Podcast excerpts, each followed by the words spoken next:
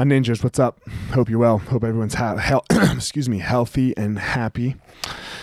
So, just watching the final episodes of The Last Dance, you know, the the Chicago Bulls Michael Jordan documentary that was airing on ESPN. And, you know, it was really amazing to at the end for me, like the last two episodes, they really talked about how Michael was really in tune and able to get into the present moment. You know, as a as an athlete and as a competitor and just as a person.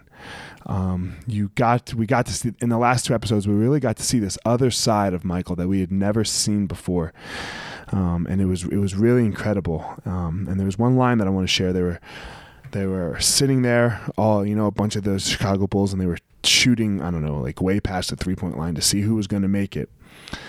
You know, and they were talking, and they were, the the the person talking said, you know, a lot of a lot of great athletes get in their own way, and Michael Jordan never did that. You know, when it was time to take the shot, Michael Jordan always wanted the ball. And the reason that he always wanted the ball was because why would he think about missing a shot that he hadn't even taken yet?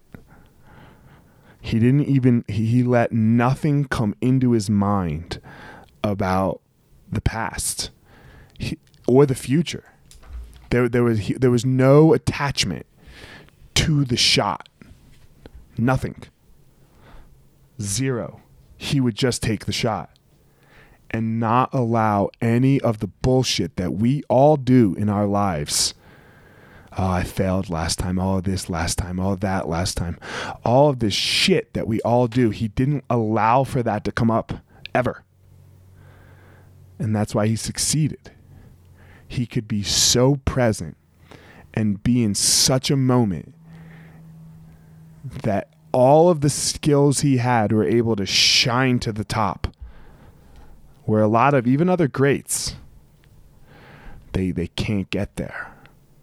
And this is why he's the GOAT. And I'll say it again. He's the GOAT of all time of everything. Nobody did anything better or has done anything better than the way Michael Jordan played basketball. And it's because of that right there.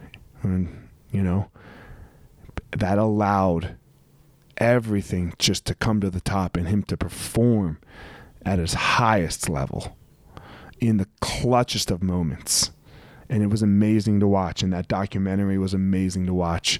I don't even care if you don't, even if you don't like basketball, go watch that. You know, go watch that. It will be well worth your 10 hours. It will help every single one of you, and me included, find your power.